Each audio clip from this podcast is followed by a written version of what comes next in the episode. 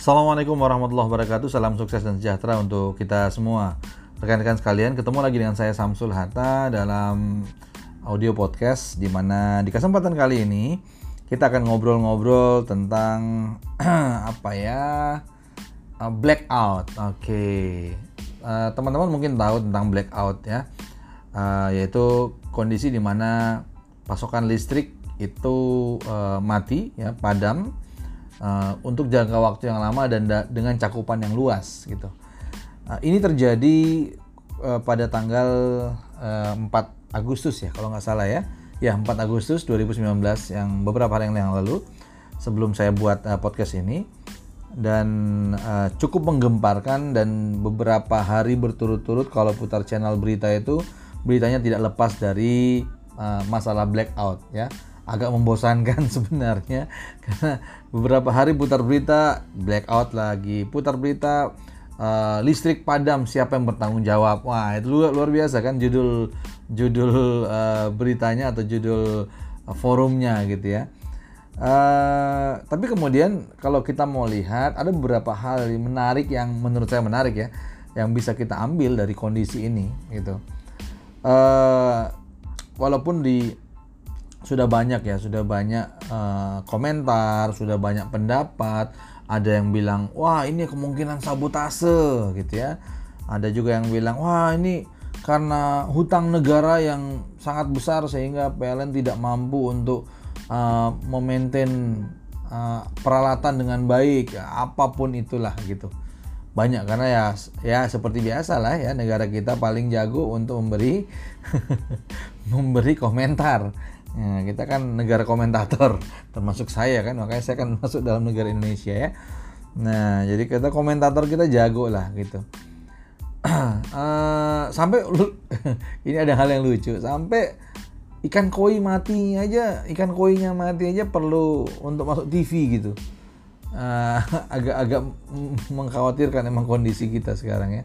Oke, rekan-rekan sekalian, uh, tapi bukan itu yang mau saya bahas, bukan tentang kenapa PLN, apa salahnya PLN dan segala macamnya. Tapi ada sudut pandang yang berbeda, ada sisi lain yang bisa kita tarik pembelajaran yang bermanfaat untuk kita. Uh, minimal untuk saya. Kenapa? Karena saya melihat, oh ini menarik nih. Ini saya kemudian teringat ketika uh, ya sekitar berapa ya tahun 2000 uh, 2003 sampai 2013 lah kurang lebih. Uh, ya 10 tahunan saya kurang lebih itu berkecimpung di network security. Saya dulu uh, memang uh, saya IT ya basic saya IT dan banyak bergelut di network security dan dan dari sini saya melihat sisi yang menarik dari kejadian ini gitu. Uh, plus juga bagaimana kita melihat tentang uh, diri kita ya, tentang diri kita terhadap apa pun yang terjadi di sekitar kita. Rekan-rekan sekalian, kejadian blackout ini kalau kita lihat di berita banyak sekali yang kemudian berkomentar, wah uh, ini apa, apa kerugiannya luar biasa. Ada perusahaan yang rugi sekian ratus miliar karena listrik padam. Ada yang kemudian uh, ya kalau kerugian uh, yang lain misalnya uh, MRT mati uh, harus dievakuasi penumpangnya gitu ya. Terus ya kereta juga mati. Apalagi punya banyak hal yang kemudian ia membuat banyak kerugian. Di mana-mana yang namanya kondisi yang tidak diharapkan pasti ada kerugian. Pasti nggak mungkin nggak. Ya misalnya misalnya minimal kerugian tenaga kecapean gitu ya. Atau kerugian apalah pasti ada kerugian. Karena hal yang tidak sesuai dengan harapan. Nah, rekan-rekan sekalian, tapi kemudian kita lihat waktu uh, saya masih di network security pada saat itu ada satu jargon atau ada satu uh, apa ya kalimat yang yang itu dipegang benar oleh uh, saya dan tim pada saat itu yaitu kalimatnya kalau nggak salah gini uh, saya lupa dari siapa tapi kalau kalau sesuatu itu mungkin terjadi maka dia pasti terjadi gitu ya ini ini kalimat di di orang-orang security nih orang-orang yang di IT security begitu jika ada sesuatu yang mungkin terjadi maka dia pasti terjadi Artinya apa? Artinya bahwa dari situ dari kalimat itu bisa kita ambil bahwa kita perlu mempersiapkan kondisi itu terjadi.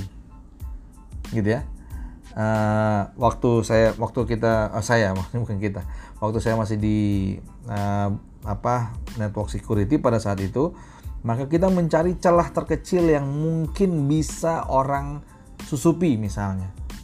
Atau kita mencari celah apa yang kemudian mungkin bisa menimbulkan kerugian. Misal, misalnya oke okay, kita punya uh, banyak komputer nih gitu. Kalau kalau misalnya kita nggak usah bilang PLN padam deh misalnya.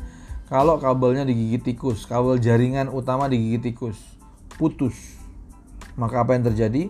Aplikasi secanggih apa pun nggak akan bisa berjalan. Kenapa? Mau jaringannya putus, gitu ya. internet misalnya, ada kemungkinan nggak kabel laut itu kena jangkar kapal? Mungkin dan sudah sering terjadi gitu. Maka bagaimana mengantisipasinya? Gitu kan? Nah, jadi uh, itu satu yang kemudian saya pelajari di waktu saya masih di network security dikaitkan dengan kondisi blackout ini dan kita ambil pelajaran di dalamnya.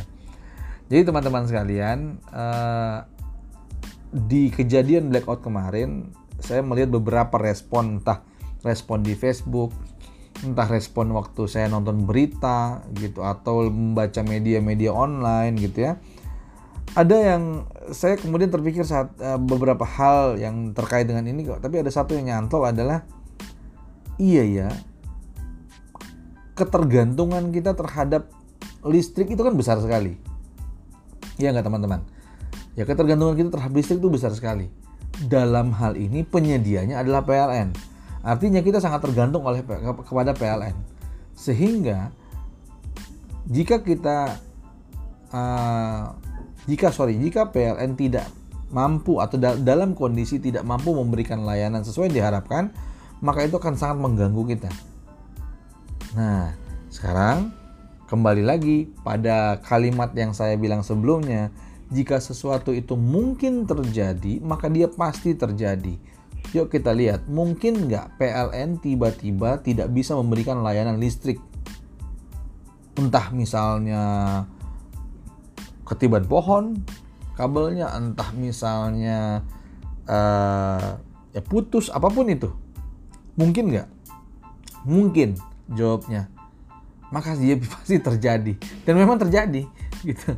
Kondisi blackout kemarin adalah salah satu kejadian yang yang harusnya itu kita bisa pahami sebagai sebuah kemungkinan yang pasti terjadi. Ya sehingga dia terjadi gitu. Ya sehingga ketika dia terjadi. Tapi poinnya adalah bukan tentang kejadiannya. Oke lah kejadian nanti tinggal diinvestigasi penyebabnya. Ya kalau kita mau komentari apa yang harus wah nanti begini kenapa bisa begini? Wah ini harus salah si ini salah si anu salah si itu sampai kemudian salah presiden dan lain-lain sebagainya maka nggak akan selesai tapi poinnya adalah itu mungkin terjadi dan itu sudah terjadi. Pasti terjadinya sudah terjadi gitu ya. Pertanyaannya siap nggak kita? Melihat respon-respon di TV, eh, di media uh, online gitu ya, ada di uh, Facebook gitu. Maka saya melihat satu poin adalah ketidaksiapan ya ketidaksiapan. Mungkin saya tidak mengeneralisasi, artinya tidak semua pastinya, tapi di beberapa komentar yang saya baca atau saya dengar, yang saya tonton, itu adalah satu kata yang kalau uh, saya buat adalah satu kata ketidaksiapan. Kenapa? Ketergantungan yang sudah sedemikian besar dan tidak siap lepas dari ketergantungan tersebut.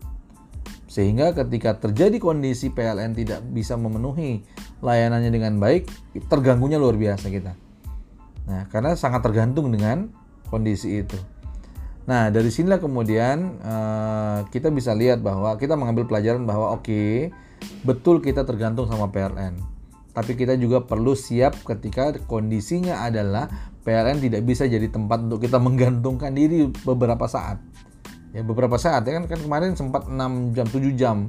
Bahkan ada yang paling lama itu 36 jam yang matinya ya maka kita tidak bisa walaupun kita sudah bayar mungkin kita punya duit banyak gitu ya tapi kemudian kita tidak bisa memastikan 100% PLN tidak uh, tidak mungkin atau PLN tetap bisa memberikan layanan listrik 100% itu nggak mungkin Oke, ini PLN, tapi kan kita tidak hanya melihat PLN dalam hal ini. Kita lihat lebih luas bahwa dalam kehidupan kita mungkin kita tergantung dengan hal-hal yang lain atau dengan pihak-pihak uh, yang lain. Ya, mungkin kita tergantung. Tidak salah, nggak salah, nggak ada yang salah dengan itu karena namanya manusia pasti akan hidup bergantung satu sama lainnya. Nggak mungkin kita hidup sendiri, gitu kan? Nah, tapi kemudian bergantungnya kita itu pertanyaannya adalah apakah kita bergantung 100% atau kemudian kita juga sudah siap untuk melepas diri kita dari ketergantungan tersebut.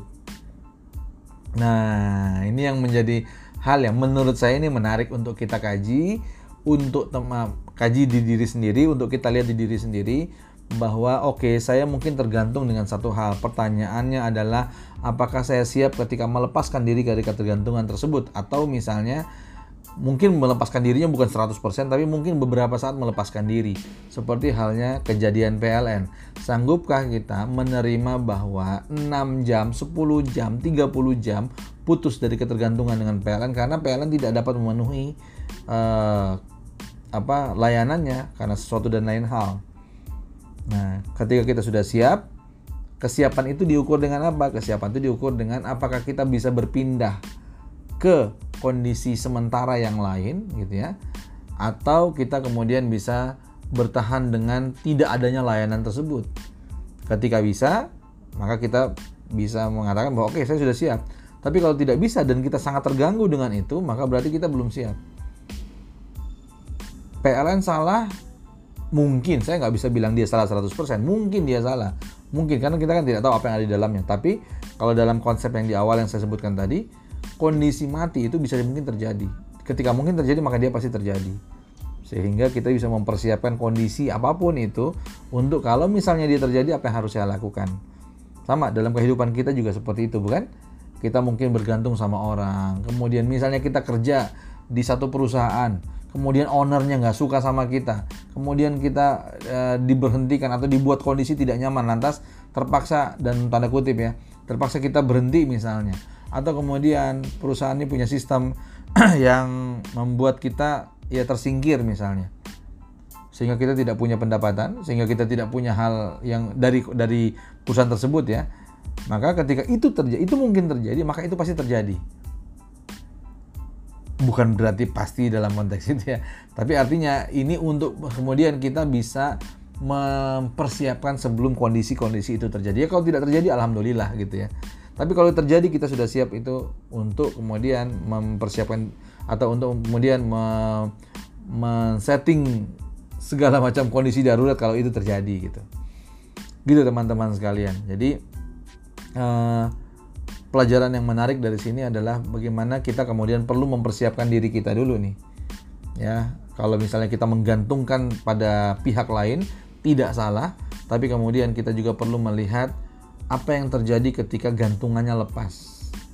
Even itu cuma beberapa saat lepasnya. Apa yang akan terjadi? Nah, apa persiapan kita untuk menghadapi kemungkinan-kemungkinan terlepasnya gantungan tersebut gitu. Ya. Nah, itu yang perlu kita uh, pikirkan di kehidupan kita, teman-teman sekalian.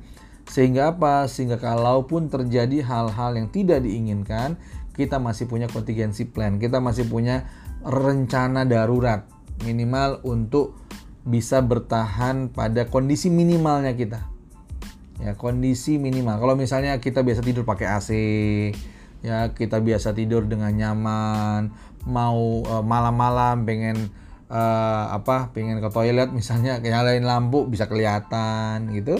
Kalau misalnya tapi mungkin nggak itu nggak terjadi apa mungkin nggak layanan itu hilang. Bisa jadi kalau misalnya listriknya padam maka AC-nya nggak nyala kebelet pipis mau ke toilet nggak ada lampu gelap gulita gitu ya. Nah itu juga yang kemudian maka apa yang harus saya lakukan? Oh saya harus mempersiapkan atau saya perlu mempersiapkan lampu darurat lampu emergensi ya atau kemudian lilin minimal minimal lilin misalnya oh saya perlu punya kipas angin yang pakai baterai gitu ya yang pakai baterai supaya kalau misalnya mati lampu listrik ya AC-nya mati, saya masih bisa pakai kipas angin dan pakai baterai.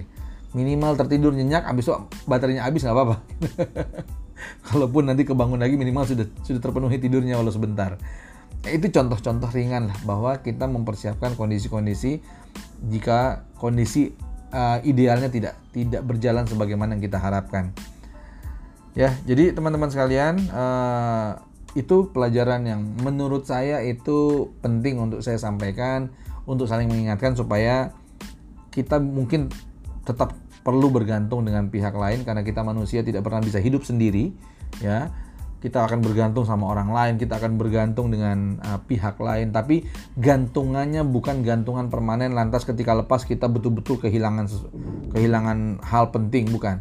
Tapi kemudian gantungan itulah gantungan ideal yang kalaupun lepas kita masih bisa siap dengan apa yang kita miliki sendiri. Oke ya teman-teman sekalian. Nah kemudian yang berikutnya uh, ya kita perlu punya perencanaan yang baik gitu pastinya ya perencanaan tadi terkait dengan tadi ya kalau kita bilang contingency plan atau uh, rencana dalam kondisi darurat ya boleh-boleh aja apa pun namanya lah. Tapi misalnya uh, salah satu kondisi terjadi maka apa yang per perlu kita siapkan? Ya misal misal teman-teman mungkin beberapa eh, teman-teman yang sudah terbiasa di daerah-daerah gempa misalnya sudah siap satu tas untuk dibawa kalau misalnya terjadi harus kabur misalnya dari rumah karena uh, apa namanya kondisi uh, bencana alam misalnya gempa.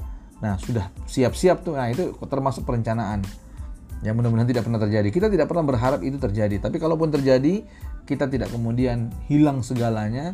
Kita tidak kemudian bingung sampai sebingung-bingungnya. Tapi kita sudah punya plan rencana untuk kita jalankan. Ya uh, fokus pada masalah sorry fokus pada solusi jangan fokus pada masalah. Gitu pada maka ketika sesuatu terjadi ya saya nonton ya saya agak miris juga menonton berita-berita dengan judul yang menarik ya. Terlepas dari judul itu framing atau bukan gitu.